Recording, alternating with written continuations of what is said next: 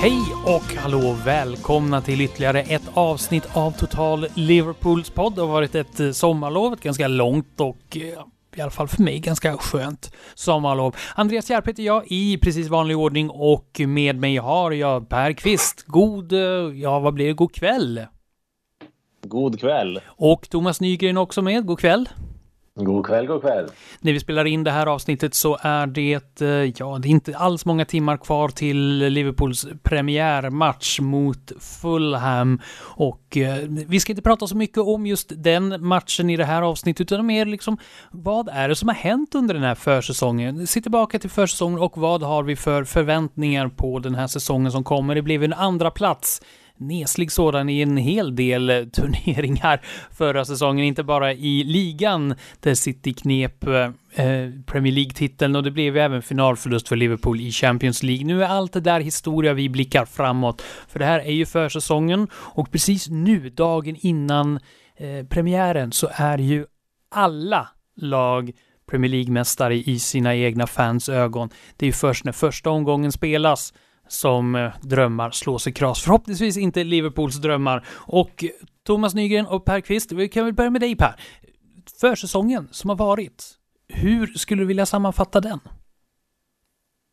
Jag tycker att den ändå har varit ganska positiv, även om man har fått lite för många skador för att det ska vara helt perfekt resultaten är ju en sak och de har ju varit lite upp och ner. Men så kan det ju vara under en försäsong. Men jag tycker ändå att man har sett många positiva tendenser i spelet. Många bra prestationer. Man har sett till exempel att Carvalho hör ju hemma i A-laget. Han är ju en väldigt bra spelare. Harvey Elliott ser ju rapp ut igen efter sin skada. Mohamed Salah ser ut att vara i bra form. Så har vi också haft några av de här yngre spelarna från eh, ja, det är väl U21-laget, juniorlagen alltså, som har varit ganska roliga att se. Jag tänker till exempel på högerbacken Mabaya har ju han är ju bara 17 år så det är ju såklart att han är väldigt oslipad men han är ju definitivt en oslipad diamant. Väldigt löpstark och duktig offensivt. Också en defensiv mittfältare, Stefan Bajsetic, som har sett bra ut, speciellt i ja, vissa matcher som mot till exempel Leipzig. Så det är ju alltid roligt med försäsongen att se de här unga spelarna som man kanske kommer att få se i ligacupsammanhang den kommande säsongen. Det har ju varit eh, fem stycken eh, träningsmatcher och en jag vet inte vad vi kan kalla det, någonting mellanting. Liverpool spelar, har spelat eh, försäsongen mot Manchester United, det blev en 0-4 förlust, man vann med 2-0 mot Crystal Palace vann med 5-0 mot uh, Red Bull Leipzig och förlorade med 0-1 eh, mot Red Bull Salzburg. Och sen så har vi den där halvmatchen då. Det blev en 3-1-seger mot eh, ärkerivalen numera, Manchester City, då man vann då Community Shield. Och sen senast en förlust mot Strasbourg. Thomas, hur, mm. hur mycket, mycket vikt sätter du så här på försäsongen? Alltså resultatmässigt så är ju försäsongen, det är ju skit samma. Det har vi ju sett tidigare att, en, eh, att vi slår Dortmund med 4-0 innan en säsongstart behöver inte betyda att vi kommer göra en bra säsong och att vi förlorar mot Napoli med 3-0 innan en säsongstart behöver inte betyda att vi gör en dålig säsong. Så resultaten på försäsongen är egentligen eh, i stort sett helt oväsentliga tycker jag. Det handlar ju bara om att få igång spelarna, få dem att hitta in i roller. Klart i vissa fall som med Nunez så har det säkert varit skönt att få göra mål för att liksom få få den biten avklarad, få spela ihop lite grann. Men annars, eh, resultaten tycker jag det är eh, det spelar egentligen ingen roll. Det viktiga är att få igång spelarna i bra slag. Eh, sen så personligen så är jag lite less på det här med att man ska spela mot Manchester United på försäsongen. Det var, gjorde vi här om året också. Jag kan tycka att det är lite devalverande av en av en sån eh, rivalitet ändå att man står och spelar, att man åker till Thailand eller vart det var nu var och spelar en en eh, proj-match med reservlaget som Liverpool gjorde. Eh, jag tycker någonstans att man ska försöka bevara laddningen i de mötena men det är väl kanske jag som är eh, konservativ i den frågan. Men annars, samt, samtidigt får man försöka se de asiatiska fansens, här kommer Liverpool och får, man får se då Liverpool och Manchester United mötas, dessa klassiska giganter när man inte har möjligheten att göra det annars. Om man ska se det från, från deras sida. Ja, men är det frågan om man tycker att det är att se Liverpool när man kollade startelvan som vi kastade ut på plan i den matchen. Då hade vi lika gärna kunnat skicka Liverpool Legends. Eh, men eh, ja, men jag förstår den biten också. Men jag kan tycka att det är lite, lite så här udda att Liverpool och United ska spela just mot varandra. Det finns så många andra lag man kan spela mot. Eh, men som sagt, resultaten i stort sett helt oväsentliga. Det är klart det är bra att vi inte förlorar varenda match. Eh, men det är många spelare som visar bra tendenser, det som jag har sett. Och det är, det är huvudsaken. Och sen eh, den matchen som man kan egentligen ta med sig någonting ifrån här tycker jag det är ju mot City som ändå, även om det är en... Eh, ja, det är ju också en typ av träningsmatch, den här Community Shield, så är det ju ändå ett rivalmöte när Liverpool och City ställer upp mot varandra och avgör så man får en, en titel. Så den matchen tyckte jag vi visade väldigt fina tendenser i och det är det som jag tar med mig från den här försäsongen. Per, är det någonting du har sett från den här försäsongen som du liksom kommer att eh, minnas? Ja, det, det som sticker ut är väl ändå när Darwin Nunez fick en ketchup-effekt mot Leipzig och gjorde fyra mål i en halvlek. Det är ju klart att det var säkert var skönt för honom som Thomas var inne på. Sen var det ju lite, lite tragikomiskt på något sätt att han fick kritik efter en mållös 20-30 minuter i någon träningsmatch när han varvar igång och det är försäsong och folk granskar hans insatser med mikroskop kändes det som. Det var ju ganska komiskt ibland att läsa på sociala medier. Men jag tror ändå att det var lite skönt för honom att göra de första målen i Liverpool-tröjan och man ser ju verkligen vilken bra spelare det är. Det såg man ju också i Community Shield mot Manchester City när han kom in och verkligen gjorde skillnad helt enkelt mot bästa tänkbara motståndare. Och, och då kan vi ju gå in på ja, vad som har gått in och ut. Darwin Nunez som vi har nämnt då, inte konstigt då att han har blickarna på sig, 85 miljoner pund eh, kostade han Liverpool och då dras ju naturligtvis, det blir ju en direkt jämförelse med en annan ung centertankspelare som då gick till City. Erling Haaland som ja, de, de flesta känner till som då också har blickarna mot sig. och Det blir ju en direkt jämförelse med dem då de är ganska lika på det sättet, stora, starka målskyttar. Eh, Liverpool har ju köpt in tre stycken spelare inför den här säsongen. Calvin Ramsey från Aberdeen, eh, Darwin Nunez då från Benfica och Fabio Carvalho från Fulham. Av det lilla som man har kunnat se av de här spelarna Eh, vad är era tankar om dem? Har, har de motsvarat de förväntningar som ni har lagt på de här spelarna? Per? Ja, Nunez, visst, definitivt. Han, han kom ju lite senare. Eller han kom ju den här sista batchen spelare, man ska säga, som spelade väldigt långt förra säsongen med landslagsspel och så. Så det är klart att han behövde lite tid att varva igång. Men eh, han, tycker jag, eh, har motsvarat förväntningarna. Han var ju som sagt väldigt bra i Community Shield mot Manchester City. Sen är det ju klart att eh, det, krävs ju, det, det, krävs ju leverans i riktiga tävlingsmatcher. Det är ju ändå det som är de riktiga förväntningarna. Fabio Carvalho om man, det som, känslan som man får när man ser Carvalho, det är ju kort, kortfattat att han hör hemma på Premier League-nivå att han hör hemma bland de andra etablerade spelarna i Liverpool. Han är ju inte... Eh, han har ju definitivt växt ifrån de här akademispelarna som också är med på försäsongen. Och det är väl inte så jättekonstigt för att han var ju en nyckelspelare för Championships överlägset bästa lag förra säsongen. Och det är ju klart att det är en väldig skillnad mot för att spela i en reservlagsserie som många av de andra gjorde. I vissa fall till och med i en juniorserie. Så han kanske till och med har varit lite bättre än förväntat för han vågar ju verkligen ta initiativ och han är ju smart, teknisk, snabb. Det känns som att han kan accelerera med bollen och ta sig förbi spelare och som att han tar många bra beslut liksom och han är ju ändå lite härdad på något sätt från Championship att han är envis och backar inte undan och Ja, han känns bra helt enkelt. Kan spela på flera positioner dessutom. Calvin Ramsey har ju dessvärre varit skadad och eh, jag har faktiskt inte sett honom under försäsongen så att eh, där är det ju desto svårare att säga. Men man ska väl säga det också att det är väldigt stor skillnad på de här värvningarna i förväntningar och i kvalitet just nu. Nunez är ju en spelare som vi tog från en Champions, Champions League slutspelsmotståndare.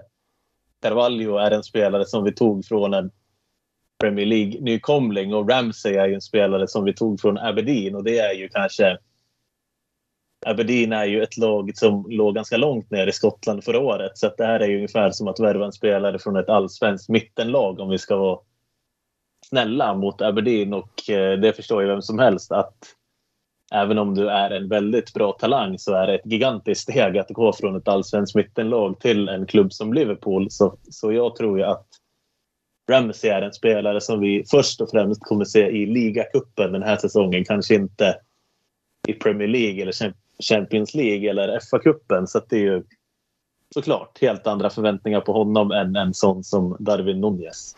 Och alla de här tre spelarna är ju väldigt unga. Darwin Nunez är eh, åldermannen. De andra är ju fortfarande tonåringar. Eh, och Darwin Nunez är väl 21-22 någonstans där. Eh, Thomas, vad, vad, tycker du man ska ha för förväntningar på de här tre? Om vi kan börja då med den förmodat billigaste av dem, Calvin Ramsey. Eh, ja, men Calvin Ramsey ska vi inte ha några förväntningar på överhuvudtaget den här säsongen, tänker jag. Utan det är väl, eh, alltså precis som Pelle var inne på, det är en, han kom, till en tonåring från ett eh, skots, ifrån skotska ligan, ett lag som ja, ändå har huserat på den undre halvan av tabellen. Han eh, har inte gjort speciellt många seniormatcher, eller det är egentligen bara en, en och en halv säsong så där som han har varit eh, hyfsat etablerad. Så att komma in till, till Liverpool för att vara någon slags backup till Alexander Arnold, det, det ska vi nog inte förvänta oss utan där kommer ju både Gomes och Milner att gå före den här säsongen. Utan det här är väl en spelare som vi får hoppas på på sikt. För det, skulle, det var ju ändå en spelare som beskrevs lite liknande som Alexander Arnold med en bra högerfot och bra spel, blick för spelet och sådär. Så, eh, men den här säsongen, eh, ja precis som Pelle var inne på, vi kanske kan få se honom i ligacupen men annars tror jag inte att han kommer göra speciellt många minuter för, eh, för A-truppen. Det tror jag inte. Det är väl de andra två egentligen som jag tror vi kommer få se ganska mycket. Eh, om man tittar på tar Carvalho så det är ju en jättefin spelare. Eh, och han, jag tror att han kommer spela mer än vad vi kanske har förväntat oss den här säsongen. För han har fått ganska stort förtroende på försäsongen och eh, främst i den här spelartypen är ju fantastisk att få in. För vi ska komma ihåg, det är ju, det är fem byten i Premier League den här säsongen. Så att ha en sån här spelartyp på bänken, även om inte han startar, att kasta in honom sista 30 minuterna teknisk, modig, kan göra lite oväntade saker. En också ganska bra avslutare, passningsspelare mot ett trött motståndarförsvar. Det är ju det tror jag vi kommer att ha väldigt stor nytta av. Både han och Harvey Elliott egentligen kommer nog få ta den rollen i ganska många matcher och komma in och eh, byta av spelare för att de ska orka hela säsongen helt enkelt.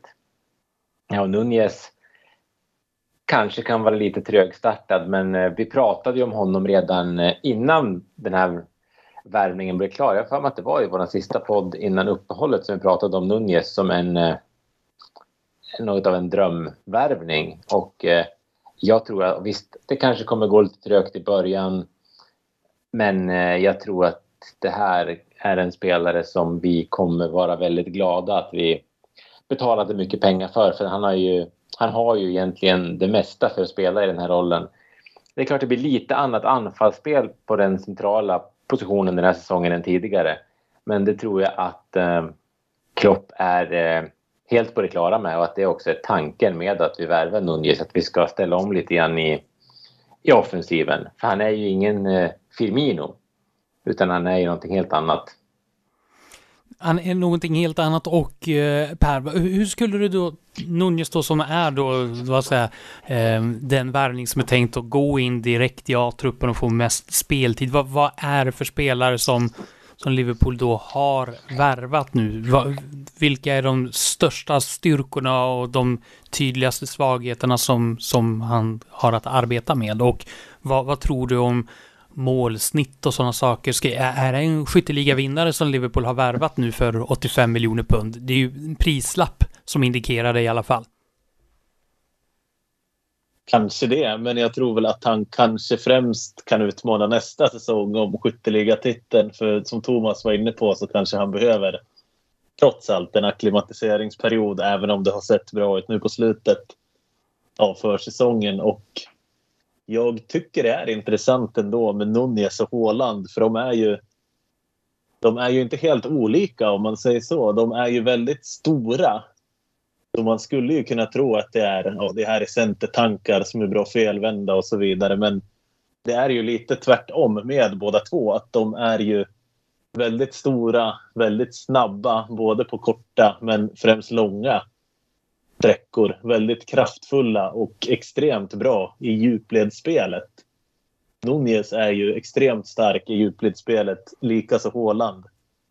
Och det är ju där som man får deras styrkor. Sen är de ju bra avslutare och de, är ju, de kan ju ta sig förbi spelare på egen hand. De kan ju, om de sätts i ett bra läge runt straffområdet kan de ju ta sig förbi en back och avlossa skott så att säga. De är ju bra avslutare och de är ju även bra avslutare med huvudet, vilket ju också känns bra att få in med tanke på ja, de bra inläggen som kommer från ytterbackarna. Bra på fasta situationer var ju redan Liverpool. Det är väl mer City med Håland som kanske behövde det. Så att de här spelarna är ju mer som Fernando Torres än som ja, någon, säg någon centertank, Duncan Ferguson. Nej, men det är klart, det är extremexemplet. Men svagheterna som jag ser egentligen hos både Håland och Nunez är väl att de skulle kunna bli bättre i det felvända spelet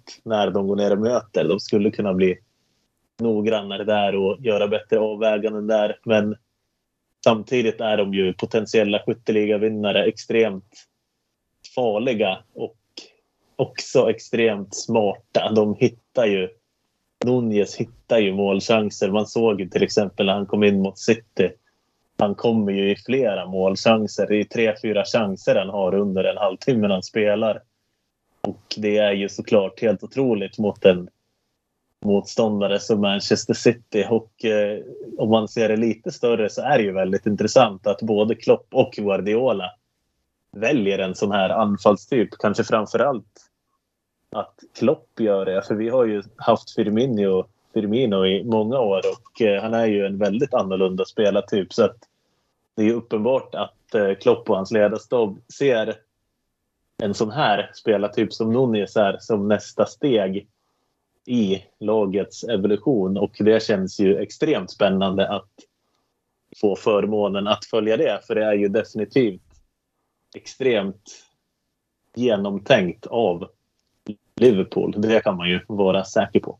Ja, Liverpool är väl ett av de lag som slår flest inlägg och då få en spelare som är, ja, fysiskt bättre i luften känns ju bara som en naturlig fortsättning kan jag som lekman tycka. Jag vet inte, är det så tror du Per man kan ha resonerat?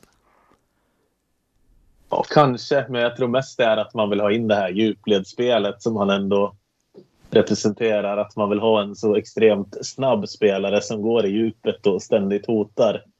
Men det är ju klart att det kommer bli en annan, ett annat spel för, eh, för de som spelar på kanterna. Jag tänker på Sala och eh, ja, Luis Diaz såklart. Eh, och även de andra spelare när de är där, som Jota till exempel. Det kommer ju bli ett annat spel för dem för att när Nunez går i djupled så kanske det inte finns yta för Sala eller Luis Diaz att också gå i djupled om du förstår vad jag menar. Det är ju en annan sak när Firmino går ner och möter och de, eh, de kan ta djupledsspelet då, Sala och Luis Diaz. Det blir ju en annan fördelning där i anfallsspelet men samtidigt så har ju Liverpool spelat lite på samma sätt nu i några år och eh, det här blir ju ett oförutsägbart element som man får in. Det kommer ju bli betydligt mer svårläst för motståndarna när vi har den här spelaren. Vi hade ju visserligen Divock Origi tidigare, men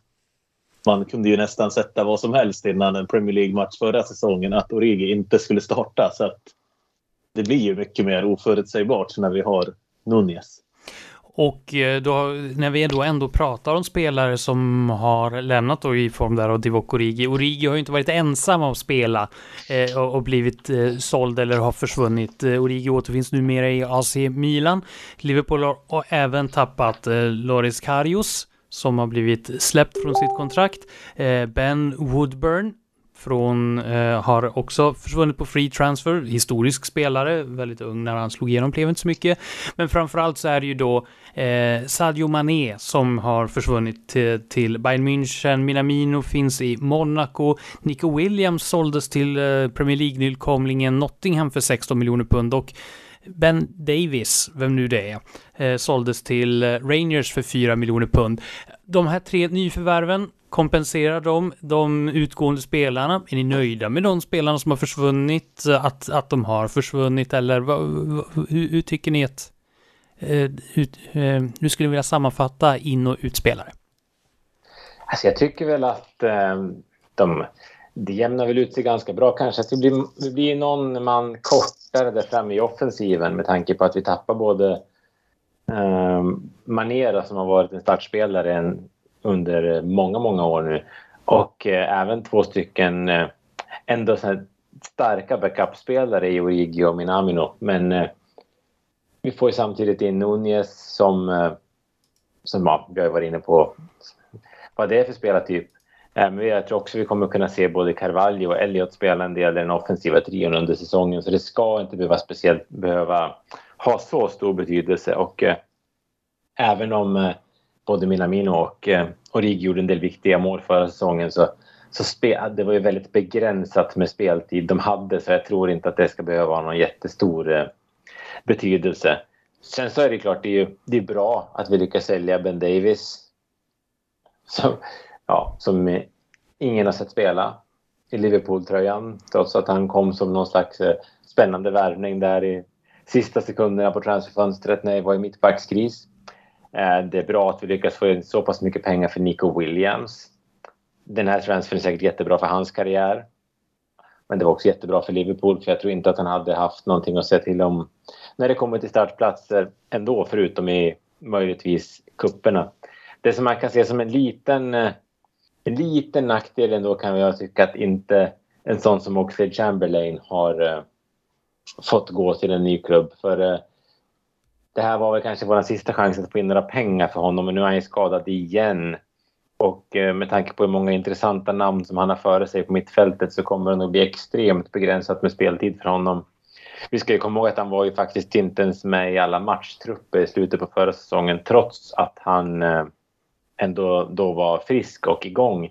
Så eh, där hade jag väl kanske hoppats att det skulle hända hända någonting kanske att Oxlade Chamberlain skulle kunna bli såld och att vi kanske skulle kunna fått in något annat namn på mittfältet. Men eh, i stort så i stort så tycker jag att vi gör en, eh, en bra transfersommar och främst tycker jag att vi gör en kontrollerad transfersommar. Vi eh, köper spelare på de positioner som vi som vi behöver. Vi, eller, främst så kanske vi köper spelare i den åldern som vi behöver. För vi ska komma ihåg att det här laget är ju redan... Eh, vi har ju ett skitbra lag. Så det är inte bara att plocka in spelare som ska komma in och göra det här laget bättre utan det som vi måste satsa på det är att försöka hålla samma nivå även eh, längre fram. Och jag tror att både Nunez och Carvalho kommer vara nyckelspelare inom en ganska så snar framtid. Kanske inte redan den här säsongen båda två men eh, framöver till att de kommer att spela väldigt viktiga roller i Liverpool. Att få in dem redan nu så att de får spela in sig i Liverpool ordentligt och eh, börja sätta sin prägel eh, redan i unga år är ju jätteviktigt. Sen får vi se vad tappet av Mané betyder. Han eh, det är ofrånkomligt att det märks när en så pass viktig spelare försvinner. Vi var ju inne på Nunez huvudspel tidigare och det var ju faktiskt en av Manés styrkor också. Han var ju en fantastisk huvudspelare och eh, gjorde det bra centralt under slutet på förra säsongen. Så eh, det kommer ju märkas att man är borta. Men eh, om Nunez kommer in i det på rätt sätt så kanske det inte behöver märkas sådär, eh, sådär jättemycket. Så, så sammantaget tycker jag att man ska ha gjort en, eh, en klart godkänd transfersommar med beröm godkänt. Kanske att jag hade förväntat mig att det skulle hända lite mer. Men samtidigt så vet vi att Liverpool under Klopp inte förivrar sig när det kommer till värvningar. Ja, hända mycket har inte varit eh, riktigt signumet för den period som Klopp har varit Liverpools tränare. Och vi har pratat lite in och utspelare, men det har också skett kontraktsförlängningar. Vi kan ju börja med det som var en följetong under hela förra säsongen. Då pratar jag om Mohamed Salahs eh, som eh, förlängning då. Tre år ytterligare har han kontrakterats då av Liverpool. Även Scott Gomez har eh, numera signat ett nytt kontrakt fem år och nu i dagen så blev det klart att Diogo Jota också har förklarat, eller förklarat, han har skrivit på ytterligare ett kontrakt som jag tror också sträcker sig fem år fram i tiden.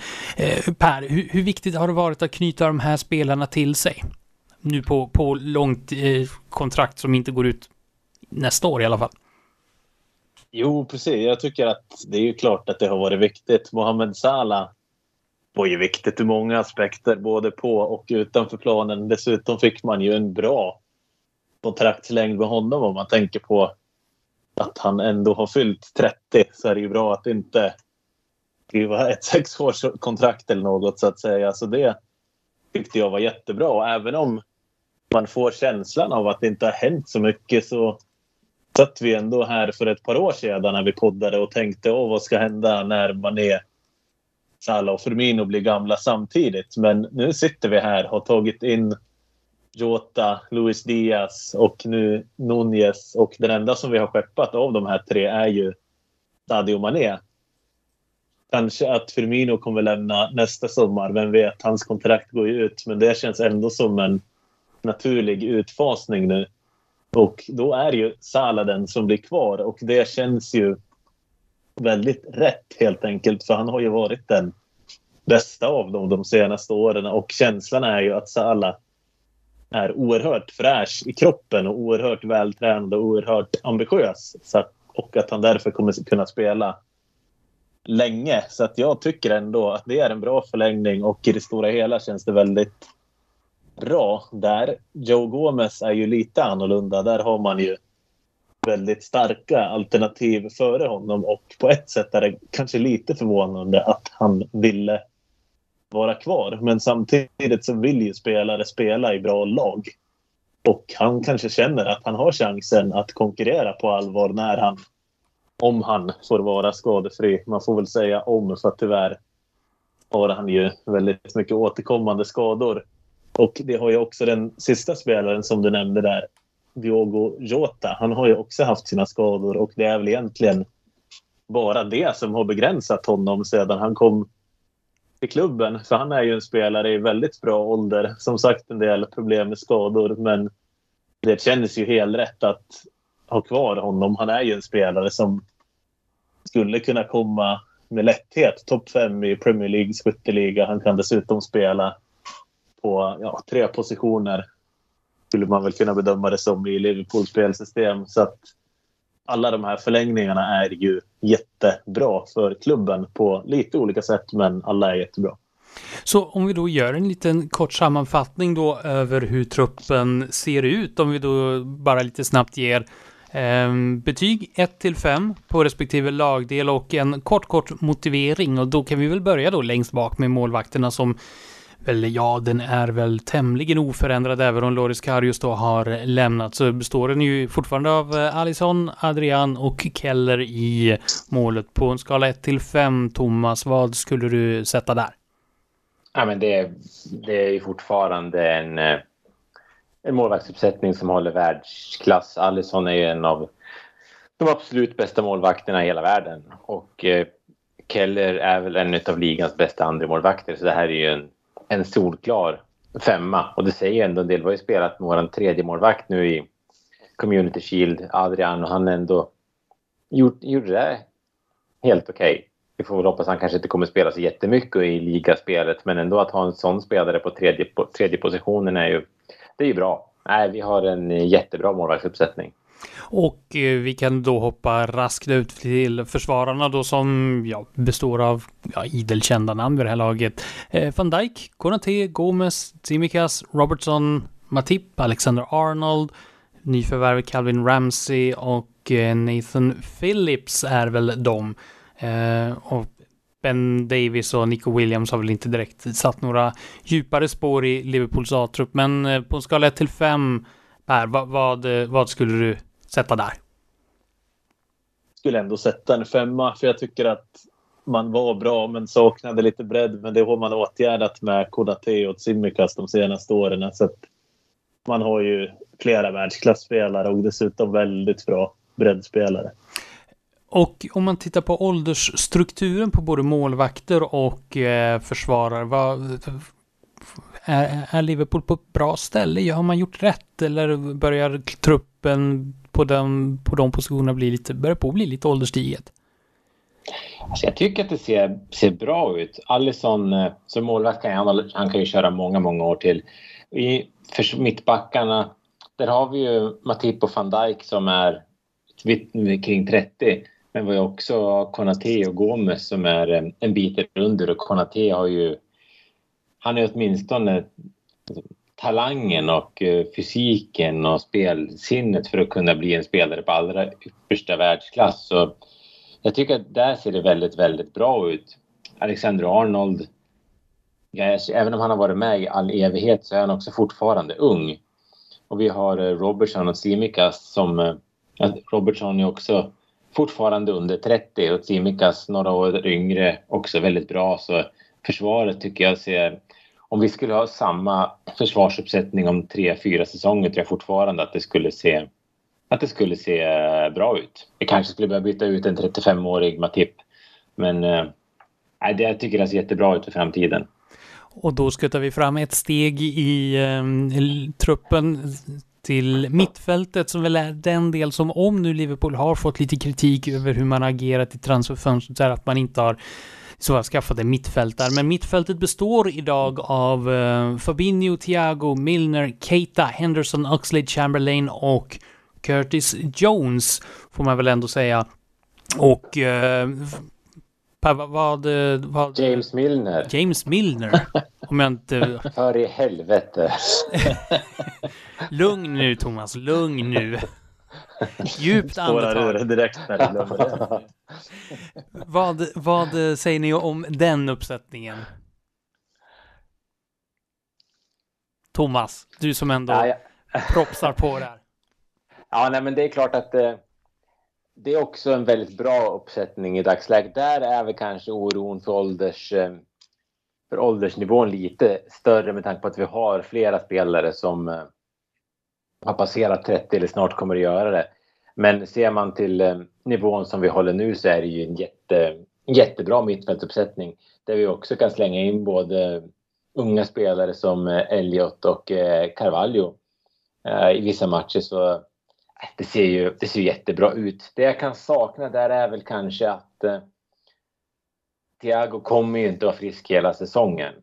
Och vi har ingen riktigt eh, lämpad ersättare till honom i truppen idag. Det är väl egentligen Curtis Jones som är eh, den vars spelstil kanske mest stämmer in på Thiago. Åtminstone kunna, kunna falla tillbaka i plan lite grann, hämta boll. Men eh, Ja, både, Thiago, både Jones och Keita är två spelare som verkligen behöver göra bra säsonger. För lite grann så är det ju upp till dem nu att eh, visa att Liverpool har bredden på mittfältet. För det är de som ska stå för den. Om man tänker att våra start tre är Fabinho, det är eh, Thiago, det är Henderson. Det är ju en både eh, en spelskicklig mittfältstrio, defensivt skicklig, bra på att bygga upp anfall. Det finns rutin, det finns ledarskap, det finns det mesta i den mittfältstrion. Um, men säg om, om Fabinho skulle gå sönder, om Thiago skulle gå sönder, då är det helt plötsligt eh, då är det upp till Keita. Det är upp till eh, Jones att kliva in och kunna ersätta de egenskaperna. Det har de inte riktigt gjort tidigare. Keita ibland, men eh, ja, hans skadehistorik har vi ju pratat om nästan oftare än hans spel. Så det vet vi ju att han kommer inte heller vara frisk hela säsongen. Han är också lite upp och ner när han spelar. Eh, kanske främst om man är lite för långt bak i planen. Så det är väl lite grann den här defensiva delen med Fabinho och Thiago som jag känner att vi skulle kanske behövt stärka upp lite för att det skulle kännas helt tryggt. Men eh, skadefria så är vi ju skadefria är vi ju utan tvekan en 5 plus uppsättning. Men eh, det är väl egentligen den lagdelen som en skada skulle kunna sänka nivån mest om man tittar på hur pass viktiga startspelarna är. Sen så vet vi att James Milner kommer han in men han kommer göra det bra. Han kommer kunna gå in och ta till exempel Hendersons roll. Han kommer kunna gå in och ta, vinna närkamper, spela enkelt. Men han är ju inte en speluppläggare som Thiago. Och han har inte den här fysiska närvaron som Fabinho på mittfältet utan eh, det är väl kanske där som jag är mest orolig för eh, skador under den här säsongen. Mm. Jag, jag, skulle nog inte säga att det är 5 plus på mittfältet utan skador. Jag skulle väl säga 4, 4,5. Om man kollar på till exempel Real Madrids mittfältare. Då skulle jag säga att det är ett 5 plus mittfält om man kollar på truppen. Men sen är det ju klart att Liverpool har ju väldigt bra. Men känslan är ju lite att det är Fabinho och Thiago som är de genuina världsklassspelarna på mittfältet. Och vi hade ju en väldigt bra krönika idag på sidan faktiskt, skrivet av en kille som hette Andreas som betonade just det här hur viktig Thiago är för Liverpool och ja, resultaten. Så in och läs den krönikan. Det är ett tips ifrån mig när vi ändå pratar om det här. Absolut, och sen så eh, Liverpools styrka är väl egentligen att eh, vara eh, så summan är större än delarna av, av eh, för hade man tittat på det här mittfältet för tre år sedan individuellt så är det väl kanske till en trea kanske, men sen så har man ju sett bevisligen att de funkar ganska bra ihop och till det spelsystem som spelas. Vi får se hur det blir där och då har vi bara en, en del kvar och det är ju anfallet eh, som då jag har valt att eh, ha med Elliot Carvalho, Firmino, Sala, Jota, Diaz och Nunez. Och Per, vad, på en skala 1 till 5, vad skulle du ge det? Femma. Här har vi allt som vi kan önska oss. Vi har äldre rutinerade spelare som håller väldigt hög klass. Vi har spelare i sina bästa år som håller väldigt hög klass. Vi har yngre spelare som bara kommer bli bättre. Vi har teknik, smartness, avslut, snabbhet, teknik. Ja, vi har ju allting egentligen. Vi har ju också fysik nu från en elitspelare som, ja, elit, alltså väldigt hög klassspelare som Nunez, vilket vi ju kanske inte hade innan på samma sätt när Origi egentligen var den spelaren i anfallslinjen. Så att, jätte, jättebra och man har ju verkligen klarat generationsväxlingen briljant i anfallet måste jag säga. Även om det är risk att man har sån här klassisk Liverpool-hybris när man pratar om det nu innan säsongen. Det är försäsong, alla har hybris nu och det är nu man ska ha den. Eh, men eh, du var inne på det här tidigare Thomas, att eh, vissa spelare är, har, har liksom en ödessäsong. Du nämnde Curtis Jones och eh, Keita framför allt som har eh, så kallade nyckelsäsonger framför sig. Finns det några fler spelare som, som eh, står inför sådana här vägskälssäsonger, skulle ni säga? Jag skulle vilja kasta in ett sådant namn som Roberto Firmino där.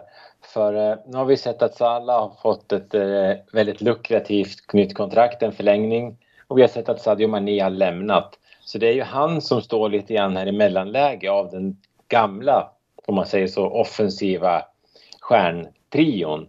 Att man inte riktigt vet var, eh, ja, var står han egentligen? För det är ju uppenbart att Nunes är ju inte värvad för att sitta på bänken utan tanken är ju att han ska gå in och eh, leverera den här säsongen. Och eh, frågan är då var någonstans Firmino hamnar i eh, hackordning. För det var ju också Diogo Jota som ska ha en, eh, som såklart ska ha sin speltid. Ehm, så eh, Firmino behöver nog göra en bra säsong om det ska vara aktuellt med en kontraktsförlängning, tror jag. Sen så vet man ju inte hur diskussionerna går om man kan tänka sig att stanna och ha en mer backup-liknande roll. Eller om Klopp kanske till och med kan tänka sig honom som någon slags eh, mer tillbakadragen anfallare bakom den offensiva trion i någon slags 4-2-3-1 eh, spel. Det har man ju provat lite grann men eh, inte fullt ut. Uh, så eh, Firminos säsong tycker jag ska bli spännande. Jag tycker han har sett bra ut på försäsongen. Sett ganska rapp ut och han är ju fortfarande ung. Åtminstone inte gammal. Uh, han har aldrig levt på sin snabbhet så jag tänker att han borde kunna vara en spelare som åldras ganska väl. Men eh, så där tycker jag att vi har en spelare som går mot en, eh, en viktig säsong ändå, får man ändå säga om man sätter sin framtid i i Liverpool. Det var ju skönt. Det gick ju rykten ett tag om att Juventus skulle vara nära att signa Firmino. Och det var väldigt skönt tycker jag att inte vi tappade Mané och Firmino samma sommar för det hade emotionellt hade det varit eh, lite väl nästan. För Firmino är ju också en sån här spelare som man verkligen förknippar med de här goda åren under eh, Klopp. Så vi får se lite grann hur hans säsong eh, blir. Om Klopp har en tanke med honom framöver att han ska vara en bärande spelare i, A-trupp, i startelvan. Eller om eh, han främst kommer att bli någon slags eh, rotation eller backup-spelare. Så där har vi väl en spelare som går mot en viktig säsong. Och eh, avslutningsvis då innan vi eh, går vidare i eh, det här avsnittet, bland annat med en Var är jag nu? och vi tittar då på eh, förväntningar våran topp 5-lista och även kika lite på konkurrenterna så är Liverpool bättre? Är, det här, är den här upplagan av Liverpool bättre än vad den var för ett år sedan? Eh, med de här tre nyförvärven trots att man då tappat Minamino, Mané eh, bland annat. Eh, per, vad skulle du säga? Är Liverpool bättre eller sämre? Bättre skulle jag säga. Thomas? Jag skulle väl säga att just så det, det, är så mycket som, han, som beror på tycker jag hur Nunez kommer in men jag ty, tycker att den här truppen har kapaciteten att vara bättre än eh, förra. Det kanske krävs då eftersom det blev en andra plats i Premier League förra säsongen eh, efter Manchester City som inte heller har varit helt overksamma på transfermarknaden. Eh, stora namn ut och stora namn in, men vi kommer till det senare. Men innan vi kommer dit så ska vi blicka tillbaka, tillbaka i tiden till en av de spelare som har varit i Liverpool och som nu återfinns var då någonstans? Var är han nu helt enkelt? Thomas? Ja, eh, vi, eh, vi möter ju Fulham i eh, premiären om eh, ja, 12 timmar eller något sånt där. Nej, mer. Men imorgon i alla fall. Eh, när vi spelar in det här. Och en spelare som faktiskt hade en kort, kort sejour i Fulham efter att ha varit i Liverpool. Det var Lazar Markovic. Och eh, vi skämtade lite grann om det redan när han var i klubben att vi skulle köra en Var är han nu på Lazar Markovic för att det, det kändes som att han var spårlöst försvunnen även när han spelade i Liverpool. Men eh, nu har det faktiskt gått några år sedan han eh, lämnade och eh, då kan det vara läge att se vart är han idag? Var är han idag? ja, men Lazar Markovic var ju en av de spelarna som kom under den här mindre roliga sommaren när vi sålde eh, Suarez och ersatte honom med en hel drös av spelare. Eh, han var ju den fjärde värvningen den sommaren efter Ricky Lambert, Lalana och Emre Can. Och eh, när vi värvade Markovic då var det en, en ung talang som spåddes en enormt fin framtid. Han var nära att skriva på för Chelsea Eh, men eh, det slutade med att han gick från eh, Benfica till, eh, till oss under Brendan Rodgers. Och eh, tiden i Liverpool för Lazar Markovic är ju egentligen ett enda långt mörker. Han skrev på 2014 men ja, han spelade sin sista match den 2 maj 2015 men han lämnade ju inte klubben förrän flera år senare. Eh, det var ju 2019 som han gick permanent till Fulham när kontraktet gick ut. Och eh, det här var en, eh, en spelare som aldrig riktigt hittade sin plats i Liverpool. Det kändes som att man värvade Markovic för att man visste att han var en stor talang. Men man visste inte riktigt vad man skulle göra med honom. För jag minns att Brennan Rodgers till och med använde honom som wingback i några matcher. Och det enda egentliga spelmässiga minnet jag har av Markovic i Liverpool det var att jag eh, var på Liverpools Champions League-match mot Basel den här säsongen 2014-2015 där Liverpool behövde vinna hemma mot Basel för att ta sig vidare i gruppspelet i Champions League. Det var ju andra tider då, då var man ju glad att Liverpool ens var i gruppspelet. Um, man låg under med 1-0 i andra halvlek så byttes Markovic in som skulle komma in som en frisk fläkt. Gjorde ett jättespännande inhopp första, ja, nu vet jag inte hur långt det var, 10-15 minuterna. Och sen så viftade han lite grann ut med armen och eh, kan kanske ha träffat nästippen på Berang Safari. Och den här eh, och Safari kastade sig i marken som att han hade blivit skjuten. Eh, Markovic fick rött kort och sen eh, var, var den chansen att gå vidare i Champions League borta. Och eh, det är väl egentligen det enda minnet jag har spelmässigt av honom. Eh, och eh, som sagt, det blev inte alls någon fin karriär i Liverpool. Han eh, lånade sen ut till en massa klubbar. Han var på lån i Fenerbahce, han var på lån i Sporting Lissabon, han var på lån i Hall, han var på lån i Anderlecht. Innan han skrev på för Fulham. I eh, Fulham blev det inte heller någon större succé. Han spelade bara några enstaka matcher. Ehm, och när tiden i Fulham var slut så flyttade han hem igen till Partisan Partizan Belgrad. Och där spelade han faktiskt i tre säsonger. Och eh, han hade en bra andra säsong där. Där han faktiskt gjorde en hel del mål och var en viktig spelare. Gick sämre förra säsongen. Så när hans eh, kontrakt gick ut efter att förra säsongen spela 16 matcher och inte göra ett enda mål så fick han inte förlängt med Partisan Partizan Belgrad. Och jag har försökt ta reda på lite grann var, vad det var som gjorde att man inte förlängde men jag har bara hittat information på språk som inte jag förstår. Så eh, jag kan inte riktigt säga om det var bara vantrivsel eller om det är någonting i hans inställning som gjorde att han inte fick mer speltid förra säsongen. För det är ganska konstigt, han gick från en, en bra andra säsong till en eh, inte alls lika bra tredje säsong. Och eh, sen stod han faktiskt utan kontrakt ganska länge. Han var nära att skriva på för Sydney FC. Uh, men det blev ingenting av det utan till slut så hamnade han i eh, Gazianteps spår i den turkiska ligan där han skrev på ganska nyligen faktiskt.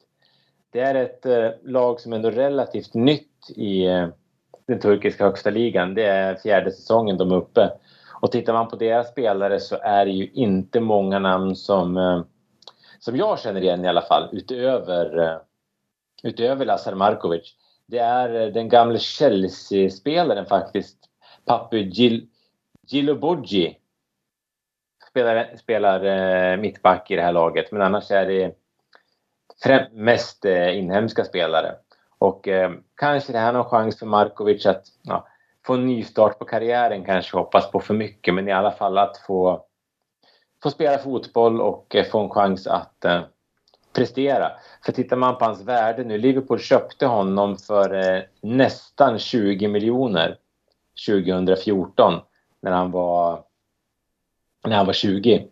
Eh, nu värderas han av Transfermark till 1,8 miljoner. Och han är trots allt bara 28 år. Så eh, han är till exempel yngre än både Salah och eh, Mané. Men eh, har eh, verkligen inte haft samma karriärutveckling. Så just det här med att komma fram som dyr ung spelare och eh, slå igenom är eh, ja, man ska, även om man har fått den här chansen så det är inte bara att, eh, att slå sig in i världsfotbollen och det är ju Lazar Markovic ett tydligt exempel på. Sen undrar man ju lite grann vad det var som gjorde att det gick så otroligt dåligt för honom i Liverpool. Men eh, det kommer vi väl gissningsvis aldrig att få veta. Mer än att eh, vi kan väl slå fast att Brendan Rodgers inte var rätt person för att eh, förädla den här talangen. Nej, verkligen inte. Det var ju stora förväntningar som lades på Markovic axlar när han kom till eh, Liverpool. Per, vad, vad, har du för minnen och tankar om eh, Lazar Markovic? Jag såg honom en del i Benfica säsongen innan han skrev på för Liverpool och han var ju inte, till skillnad från Nunez och Luis Diaz nu, som var bland de bästa spelarna i ligan och verkligen drog sina stora klubbar så var ju Markovic mer av en spelare som startade varannan match. Som hoppade in, som var liksom den här äh, unga rivjärnet som de kunde kasta in. Lite som vi tänker att Carvalho kan bli den här säsongen i Liverpool. Han var ju inte liksom... Ja, han var ju absolut inte en av deras nyckelspelare. Han var ju lite som Ryan Babel, att Liverpool värvade honom och tänkte att han kommer att utvecklas jättemycket. Men det hände ju som sagt inte. Och eh, ja, det är ju intressant. Partizan Belgrad hade ju flera väldigt bra talanger där. Nikola Ninkovic är ju en annan som inte heller har haft en jättebra karriär som spelade tillsammans med Markovic innan Benfica. Så att, ja, minnena i Liverpool, de stannar väl ungefär där vid Safari-incidenten eller vad man nu ska kalla det. Och det är ju såklart jäkligt trist med tanke på förväntningarna och prislappen. Jag känner ju verkligen att han borde ha stannat i Portugal ett par år till och etablerat sig mer där innan han flyttade vidare. Men eh, vad som hade hänt då kommer vi aldrig att få veta nu. Nej, och Liverpool var väl kanske inte rätt klubb att komma till för eh, en, en ung spelare när eh, det, det rådde ju en lite intern kamp där mellan managern och den så kallade beryktade och berömda transferkommittén vid det tillfället. Och eh, var man inte en Rodgers-spelare så fick man kanske inte samma chanser som som eh, en, ja, eh, Borini exempelvis. Men eh, ja, Markovic karriär blev i alla fall inte vad eh, varken han själv eller eh, ja, Liverpool-supportrarna hade hoppats. Vi får hoppas att det går bättre för honom då i den turkiska ligan. Och eh, om vi då lämnar det förflutna bakom oss och vet nu var Markovic håller till så kan vi ju då se framåt. Det är ju, är ju premiär i, redan idag. När den här podden spelas in så är det ju ligapremiär i i eh, Premier League när Arsenal möter Crystal Palace. Och eh, Arsenal är ju då ett av de lag i alla fall som jag tänkt ut eh, som är ja, lite intressant att följa som ett eh, storlag. Så jag tänkte vi, vi kan ju titta på de mm, i alla fall närmaste konkurrenter som som eh, Liverpool har att slåss med i en förmodad titelstrid och där får väl Arsenal kanske inte räknas som en av de stora titelfavoriterna, men det är ändå ett storlag eh, som har värvat. Eh, de har värvat Gabriel Jesus från Manchester City och även Sinchenko från Manchester City, blivit av med målvakten Bernt Leno och sen värvat in bland annat en, eh, jag tror en försvarare, Marquinhos från Brasilien. Va, vad säger ni om deras värvningar? Eh, nej, men jag tycker väl att de har värvat, eh, värvat klokt ändå. Eh, både Jesus och Sinchenko kan säkert vara, vara nyttiga för Arsenal. Sen så kan jag väl kanske tycka att eh, man eh, trissar upp de här värvningarna lite, lite väl mycket. Kanske främst Sinchenko. Han är, det, är en, det är en bra spelare men det är inte en 5 plus-spelare. Eh, utan han kommer säkert vara nyttig för Arsenal men jag tror inte att det är någon spelare som kommer göra att de lyfter i tabellen. Eh, det är väl Jesus som är det mest spännande namnet tycker jag. För han kommer säkert att göra en hel del mål nu när han får spela kontinuerligt. Men samtidigt så vet vi inte riktigt hur bra han är eh, över tid. Han kunde ju vara lite streaky när han spelade i City och ha vissa matcher när han var helt off och vissa matcher när han var livsfarlig. Så det blir spännande att se Arsenal tycker jag. Men jag har en liten känsla av att det är eh, det är lite grann det här gamla Arsenal, att det är mycket, många unga spelare, många tekniska spelare, många skickliga bollspelare. Men att det saknas det här, äh, äh, det här riktiga men, äh, ledarskapet, hjärtat på planen. Nu är ju Ödegård kapten. Jag vet inte om det är den typen av spelaren att leda ett lag, men det, kanske är det det. Fortfarande Xhaka på defensivt mittfält. Vi vet att han har sina både goda och eh, mindre goda sidor. Och sen så har han ju en spelare bredvid sig på mittfältet där eh, Xhaka eh, i Partey som ja, som man skulle kunna säga ganska mycket om just nu. Men nu spelar han ju så då kommer han säkert att, att göra det bra. Men, men Arsenal, de är, jag tror att de är bättre än förra året. Men jag tror inte att de är så där extremt mycket bättre än förra året. Och går vi till, eh, ja vi fortsätter att hålla oss kvar i, eh, i London. Ett lag som under förra säsongen eh, hade väldigt mycket kontroverser runt om på grund av olika anledningar är ju Chelsea som var nära att gå i konkurs, försäljning och spelare ville inte skriva på för man visste inte hur det blev med pengar, skulle klubben finnas kvar?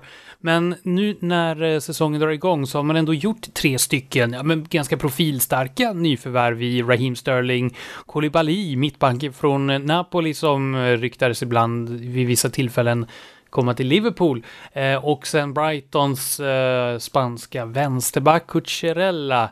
Eh, och så har man blivit av med Antonio Rydiger Christensen och eh, Lukaku är ju numera tillbaka i Inter på lån. Per, vad skulle du säga om Chelseas sommar? Känslan har ju varit att Chelseas nya ägare som också verkar ha intagit rollen av sportchef tills han har hittat någon sportchef, att han har svingat lite åt alla håll och kanter. Thomas Tuchel har ju varit ganska sur. Han har ju varit tydlig med att ja, han har ju varit ganska besviken på att många spelare har velat lämna och det verkar ju som att ännu fler vill lämna. Kanske Marcos Alonso till exempel och eh, Aspilicueta är ju spelare som fiskar efter flyttar och det är ju aldrig ett bra tecken såklart. Men spelarna som de väl har tagit in känns ju ändå absolut som bra värvningar. Koulibaly kommer väl att bilda ligans äldsta mittlås med Thiago Silva.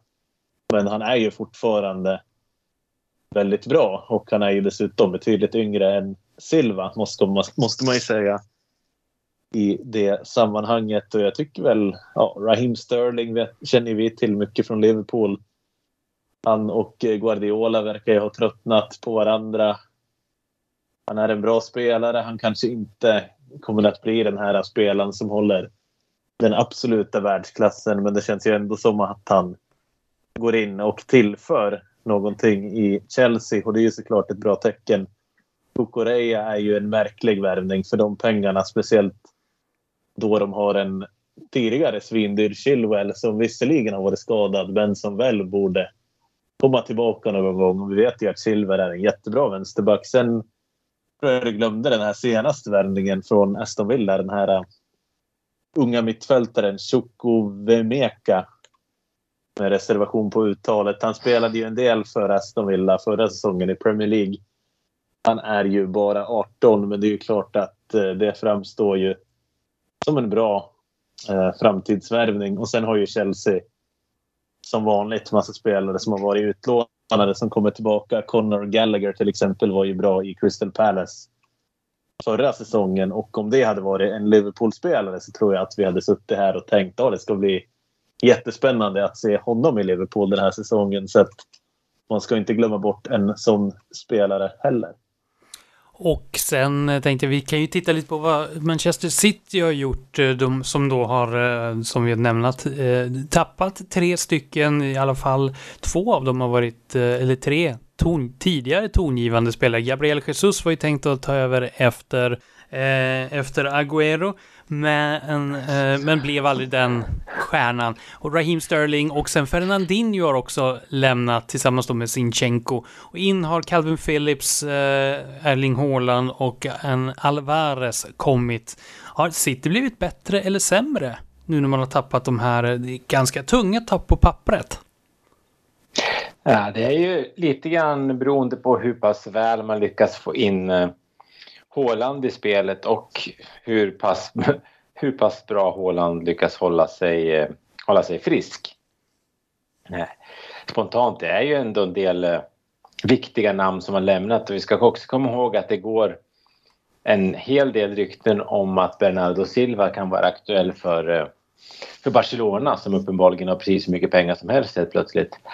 Um, så äh, jag tror inte att de... Jag, jag, ser dem kanske inte som bättre än förra året från start i alla fall. För jag tror att det kommer ta ett tag för, eh,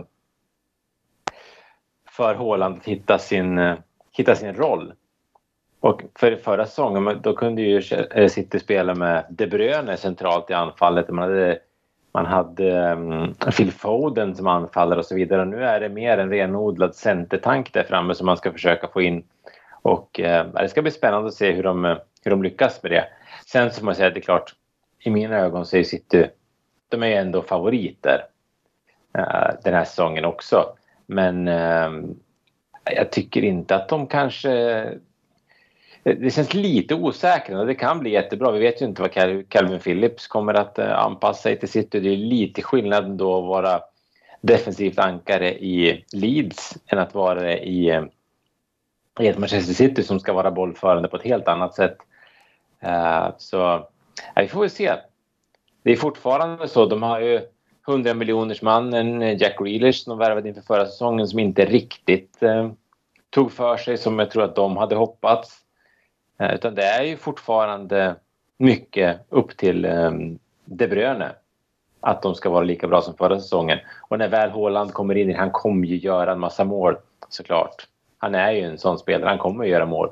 Men blir han skadad, för det blir han också, då är det inte riktigt samma, samma spets där bakom. För även om Sterling, han hade ingen kanonsäsong förra säsongen, men det är... Eh, han gjorde ändå sina mål varje år. Jesus var en sån spelare som de skulle kunna kasta in och som gjorde sina mål. Och precis som du var inne på, det var inte länge sedan som Agüero lämnade. Han var också en sån som de skulle kunna kasta in för att göra mål. Så ja, vi får ju se. Men det är klart, det är, ett, det är fortfarande ett jättebra lag. Och eh, City känns lite som Liverpool, att ett eh, ganska stabilt lagbygge. Det händer inte så mycket ut och det går inte så där jättemycket in. Däremot en klubb som det inte alls Eh, man kan säga att ett stabilt lagbygge får ju vara grannarna till Manchester City, nämligen Manchester United, där det har hänt en hel del de senaste åren och apropå spektakulära namn som har lämnat så är väl då sitt, eh, Manchester United det lag som flest spektakulära namn har lämnat. Där Cavani har lämnat, Mata har lämnat, Pogba har lämnat, Matic har lämnat, Lingard har lämnat och Andreas Pereira också lämnat och in har eh, Christian Eriksen och Lisandro Martinez och eh, sen får man väl också lägga till då en ny tränare, Erik Ten Hag, eh, tidigare från Ajax tillkommit. Eh, Manchester United, så mycket pengar, så lite resultat eh, kommer det här att fortsätta. Per? Jag tror ju det. De har ju tappat många spelare som du säger, men det är ju nästan bara free transfers. De har ju inte fått in några pengar för dem i övergångssummor, även om de såklart slipper betala lönerna nu framöver. Och det var ju inte heller irrelevanta summor för de här killarna. Men jag tror att det kommer bli fortsatt kräftgång för United och jag tycker också att man ser lite Brendan Rodgers tendenser hos Ten Hag. Det är väldigt, väldigt mycket Ajax och Holland över värvningarna. Det är, de behöver en mittback. De tar in en kille från Ajax. De behövde en vänsterback. De tog in någon från Feyenoord, Mal Malaysia. De eh, behövde en mittfältare. De har jagat de Jong hela sommaren som har en bakgrund i Ajax och eh, de har värvat Christian Eriksen som också har en bakgrund i Ajax. Det känns inte som att de kollar sådär jättebrett kanske. Och sen har de ju också den absolut svåraste nöten kvar att knäcka. Det är ju att Ronaldo, eh, ja han vill ju bort, det är ju hur tydligt som helst. Men det är oklart om han kommer att hitta någon klubb som är beredd att eh, tillgodose hans krav. Han känns ju nästan desperat ibland utifrån ryktena man läser, även om det såklart kan vara miss, missvisande. Men om de skulle tappa Ronaldo nu så är det ju jättesvårt att ersätta honom så som marknaden ser ut alldeles nu i slutet av fönstret. Och om de skulle behålla Ronaldo så är det ju också ganska svårt, tror jag, att få in honom i Ten Hags spel. Och han är ju en spelare som verkligen inte kommer sitta glad på bänken om han inte får spela. Och om han spelar så måste man ju i princip spela på ett visst sätt. Och de ju, har ju inte haft bra utveckling heller på så många unga spelare. Elanga är ju ett undantag men Mason Greenwood behöver man väl inte ens nämna. Men en spelare som Marcus Rashford till exempel, det känns ju som att han släpper fler böcker än vad han gör mål nu för tiden. De, de har ju verkligen inte haft bra utveckling där, för det var ju en spelare som man ja, som initialt såg väldigt spännande ut för några år sedan, men som har försvunnit helt. Så det känns ju som att någonting är väldigt ruttet i United och som att de inte har gjort tillräckligt många förändringar för att kunna få bort allt det ruttna helt enkelt. Men samtidigt så kanske det är så att det krävs två, tre fönster, kanske fyra fönster till och med för att man ska kunna städa ur en sån här trupp. För det är nog inte så lätt heller, även om man sitter här och dömer dem på vidsidan av så att säga. Ja, det är ju inte det roligaste läget Ten Hag har eh, kommit in till. Det är ju många profilstarka spelare med eh, rutin och eh, stora lönecheckar som inte har producerat. Det blir intressant att följa United. Då tänker jag också att vi kan kika på vad som de senaste åren har varit ytterligare en konkurrent till Liverpool, även om man inte har funnit den absoluta toppen. Vi håller oss till London fortfarande. Eh, jag tänker på Tottenham som har värvat in Ivan Perisic Eh, eh Yves Bissouma är väl ett av de mer spektakulära nyförvärven och eh, Richarlison från Everton. Och eh, värt att nämna så är väl att eh, Steven Bergven, eller vad han, hur det nu uttalas, eh, har lämnat för en populär klubb, Ajax. Eh, Tottenham, deras eh, värvningar under Conte, bu eller bä? Eh, alltså, jag tycker Tottenham har gjort ett jättebra fönster. Jag tror de kan bli eh, jag tror de kan bli farliga i år. Kanske inte för att konkurrera om en titel, men de kommer nog att... Eh, de kommer nog inte vara så långt efter som de var förra året. Uh, för där har man ju också Conte som är en uh, etablerad, skicklig tränare som vet hur man får resultat. Och eh, Perisic kommer säkert vara nyttig. Det är lite kortsiktig värvning kanske med tanke på hans ålder, men han kommer säkert vara bra. Det blir spännande att se Richarlison tycker jag som man mest har gått runt och stört sig på när han har spelat i Everton. Det är en spelare som det är extremt lätt att tycka illa om. Um, men nu kommer han ju in och blir någon slags uh, breddspelare i anfallstrion där med Kane och Son och Kulusevski. Så um, det gör ju att de får lite större bredd än tidigare. Det är väl fortfarande där bak i försvaret som jag ser att de ska ha sina svagheter. Jag vet inte, han Langlea som kom från Barcelona nu i sommar, om det ska vara någon slags eh, jätteförstärkning. Eh, så jag tror Tottenham kommer att vara bättre i år. Jag tror att de kommer kanske att vara närmare oss än vad de har varit tidigare och vi har, kommer nog få slita en hel del i, i matcherna mot Tottenham för de kommer inte ge bort lika mycket enkla poäng den här säsongen som de gjorde förra året. Så ja, men de, Tottenham ser eh, farlig ut. Sen har jag sett att vissa Vissa har tippat dem som titelvinnare och det ser jag inte att de har eh, varken bredden eller spetsen för egentligen. Utan eh, det är väl snarare kanske att de ska kämpa om att bli bästa laget eh, bakom det som åtminstone jag tror kommer vara topp två.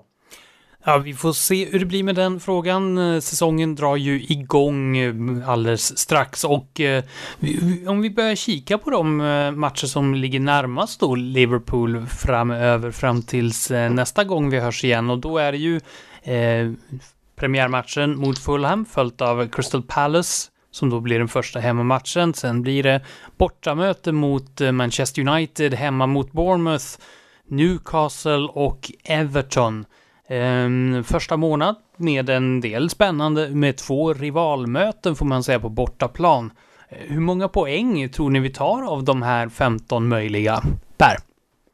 18 poäng ska det nog vara till och med. Men jag tror väl 15-16 poäng av dem. Mm. Även om det såklart är optimistiskt. Eh, 16 poäng av de här 18, vad, vad tror du man tappar poäng? Det mot United eller Everton, Newcastle? eh, som vi inte har nämnt, som har en erkänt stor plånbok, men som har värvat i Nick Pope, Matt Target och Sven Båtman från Lill. Det är ju deras stora profilvärvningar. Men var tror du att poängen tappas? Jag tror att man kommer att kryssa någon av de här matcherna. Kanske inte förlora, men spela oavgjort. Någon, inte mot United, det känns som den säkraste segern. Men i någon av de andra matcherna. Lite svårt att säga vilken, men jag tror inte att man kommer ha den jämnheten direkt. Att man går rent direkt på alla de här matcherna. Thomas? Ja, men jag tror precis som Pelle sa att det kommer, vi kommer inte gå rent här i början utan Klopp har ju varit inne lite grann på tidigare att försäsongen faktiskt fortsätter en bit in i säsongen eftersom ja, det här är ju en speciell säsong det också med det här äh, horribla VMet mitt i alltihopa. Äh, så vi kommer säkert att göra en del, äh, någon plump så här i början. Det är också en, en även om jag tror, på, tror jättemycket på Nunez så kanske det inte kommer smälla direkt. Jag tror jättemycket på Carvalho också men även han behöver hitta sin roll. Och vi har ju en del småskavanker på spelare som Konate och eh, Jota och sådär. Så um, något poängtapp kommer det nog att bli. Men Jag hoppas att vi kan börja så pass bra så att vi tar, tar och vinner premiären imorgon och även första hemmamatchen. Så att vi, eh, så att vi får en bra start. Sen om det skulle visa sig att vi går på en sån pass stor mina att vi kryssar borta mot United. Ja, det, det, är inte hela världen om vi kan eh, om vi kan hålla ångan uppe ändå. Jag tror att det kommer vara fler poängtapp den här säsongen än förra säsongen och det kommer inte krävas lika hög poängsumma för att vinna ligan. Sällan det gör det, kan man väl eh, slå fast. Det är ju bara när City och Liverpool som kamperar som det ja, blir riktigt höga poäng. Eh, det börjar på närma sig eh, avslutning för det här försäsongsinför eh, programmet av podden. Men innan vi slutar så måste vi ha en topp 5-lista. Och vad är för topp 5-lista vi har att se fram emot idag? Ja, men vi gör väl helt enkelt så att vi eh, rangordnar våra tuffaste motståndare i, i ligan. Ja, vad från, har... Eh, från 51. Från 5 till ett av de tuffaste motståndarna. Inte var, var, eh, var de kommer att sluta i, i eh, ligan helt enkelt. Eh, utan bara tuffaste motståndarna. Vad hittar vi då på plats nummer 5? Vi kan väl säga att vi tar inte med varken eh, VAR eller domarna eller någonting i den här listan över tuffa motståndare utan vi får helt enkelt gå på motståndare på planen. Och inga VM heller då? Nej, nej usch. Uh, nej, men någonstans, det blir väl som en slags uh, lägesrapport på hur starka våra tuffaste konkurrenter är. Ur vår synvinkel i alla fall. Och på plats nummer fem? Där har vi valt att sätta Manchester United. Jag eh, tycker inte att de ser speciellt mycket starkare ut än förra året. Visst, de har fått in en bra tränare. Men eh, det är inte bara att eh, vända ett sånt där pass stort skepp och som Pelle var inne på när Cristiano Ronaldo-följetongen är ju inte speciellt vacker. Så nej, jag, vi sätter Manchester United på femte plats. Och på plats nummer fyra? På plats nummer fyra så har vi valt att sätta Arsenal. De kommer vara bättre den här säsongen men eh, jag tror att de eh, Arsenal-supportrar kan ibland ha en tendens att övervärdera sitt eget lag. Och eh, det, ibland så blir jag lite avundsjuk på det. Jag skulle också vilja kunna se på våra spelare med samma, samma blick. Har, eh, har, inte, har inte Liverpool haft en, mm. Liverpool-supportrar haft den tendensen tills bara för några år sedan att eh, eh, egentligen ett eh, sjätteplatslag men ja, vi slåss om ligatiteln ändå. Som Arsenal är lite det Liverpool har varit under många år. Det kanske är där man är, för jag var ju också lyrisk när vi värvade Joe Cole till exempel från en, eh, som vi kallade dem, toppkonkurrent. Eh, så det kanske, är, det kanske är så man arbetar när man är strax där bakom strax bakom eh, toppen. Att man behöver tro på sina värvningar på det sättet. Och det kan vara att det slår väldigt väl ut men jag, jag, jag, tror inte att de är så pass mycket bättre att de ska behöva vara ett superhot ändå i, i um, tätstriden. Om inte annat tycker jag att de förtjänar att hamna utanför Champions League om man ser till hur de uh, har uh, hanterat uh, den senaste veckans skriverier. Eh, och, och på plats nummer tre, vad hittar vi där? Där, där är ju, tycker jag att det är hyfsat jämnt ändå. Men jag tror nog ändå att i slutändan så är det Tottenham som är vårt tredje starkaste hot. De skulle nästan kunna hamna över, ja, det är Chelsea som kommer längre fram, det tror jag att de flesta inser. De skulle nästan kunna hamna över Chelsea. Det beror lite grann på vad som kommer hända de sista veckorna. Eh, för transferfönstret är ju inte stängt än. Men eh, från Tottenhams håll så har man ju faktiskt gjort precis som både City och Liverpool brukar göra. Att man har eh, värvat snabbt, man har värvat till rätt positioner och man har värvat smart. Så um, de känns som en ganska välskött klubb nu, får man säga. Och, Tottenham, och det brukar märkas. Och tvåan, eh, Chelsea, eh, som du då har nämnt. Eh, vad är det som gör att de då är tvåa och inte trea? Eh, det är väl lite grann att man ser, ser man på deras trupp så finns det ju en eh, enorm potential. Många många skickliga spelare. Vi har en sån som Kai Havertz som man väntar på ska slå igenom på riktigt. Han, gjorde ju, han var ju bra förra säsongen men eh, inte fantastisk. Uh, Sterling kommer vara bra. Koulibaly, Thiago Silva i backlinjen. Det var Mendy i mål. De har ju ändå spetsen på fler ställen än vad jag tycker Tottenham har.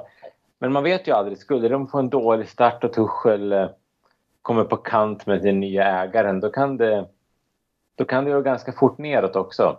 Så Chelsea känns väl som det mest ovissa laget tycker jag i toppen. Och då finns det bara ett lag kvar och det är vilket då? ja, men City är ju favoriter i år, får man säga. Det, de har ju varit eh, ruggigt stabila över tid och nu får de in Håland. Så det är klart att de, eh, de värvar ju Håland för att de ska vinna ligan och Champions League. Sen är de lite tunnare, så vi får se om det är eh, rätt väg att gå helt enkelt. Men eh, att de är den tuffaste konkurrenten om man vill vinna ligan, det tror jag nog att de flesta skriver under på. Och då har vi då topp 5-listan, men då har vi bara en sak kvar då egentligen och det är att spekulera fritt avslutningsvis på vilken plats hamnar Liverpool den här säsongen. Vad tror du? Tvåa tror jag ändå. Det blir en andra plats för eh, optimisten i gänget, Bergqvist och Thomas. Vad tror du på då? Trea? Ja, ja nej, men vi, jag tror vi kommer, vi kommer ju klara Europaspel. Tror jag, nästa säsong också. Undvika nedflyttning. det finns här Conference League, vad den heter nu, som man kan spela också. Uh, nej, men uh, topp två är väl ändå min... Uh, om inte vi åker på en massa skador så tror jag att det är där vi kommer att eh, hamna. Och jag tror inte att eh, Guardiola ska luta sig tillbaka och börja pilla sig i naveln redan utan det kommer nog att kunna bli en strid in på kniven den här säsongen också om vi eh, får ordning på spelet. Och det får väl avsluta den här eh, inför podden. Hur, hur laddade, hur, hur bra känns det att eh, starta igång en Premier League-säsong nu då? Hur eh, är det liksom som det alltid har varit eller eh, känns det lite mer? Eller mindre? Alltså jag tycker alltid att det är roligt. Alltså, jag har alltid delad, delad känsla när säsongen drar igång. För det är ju otroligt roligt att det är igång igen, spännande med matcher. Samtidigt som man kan liksom man kan ju slappna av mentalt lite grann när det inte är viktiga matcher. Så nu vet man att nu kommer de här dagarna som man måste gå runt och vara nervös och, och spänd och sådär. Men samtidigt så är det ju det, är det här man eh, det är det här man ser fram emot. Speciellt här i början innan, innan det har satt sig riktigt. Det är ju är det väldigt spännande. Det ska bli, det ska bli kul att det är igång igen efter eh, lite kort uppehåll kanske men eh, nu får vi ju den där semestern i december istället. Mm, ovälkommen sådan. Per, vad, vad, känner du nu så här inför eh, säsongsupptakten? Det känns ju som att man ändrar livsstil lite grann när säsongen börjar. Helt plötsligt så är det ju det som helgerna kretsar runt. Liverpools matcher men även andra matcher som man kollar på. Så att man har ju ja, det är så. Det är en annan livsstil helt enkelt när fotbollssäsongen börjar. Så att det ändrar mycket i ens liv tycker jag det blir en eh, säsong verkligen då eh, i, även i det privata, inte bara för att eh, Liverpools säsong startar utan även supportersäsongen börjar kan man säga då. Eh, tack så mycket för den här gången Per Kvist och Thomas Nygren och vi hörs igen om en månad ungefär. Eh, efter Everton-matchen är tanken att vi kommer att höras igen. Fram tills dess hoppas jag att du som eh, lyssnar får en fantastiskt bra dag och tack för att du har laddat ner podden. Ha det så bra. Hej då. Liverpool.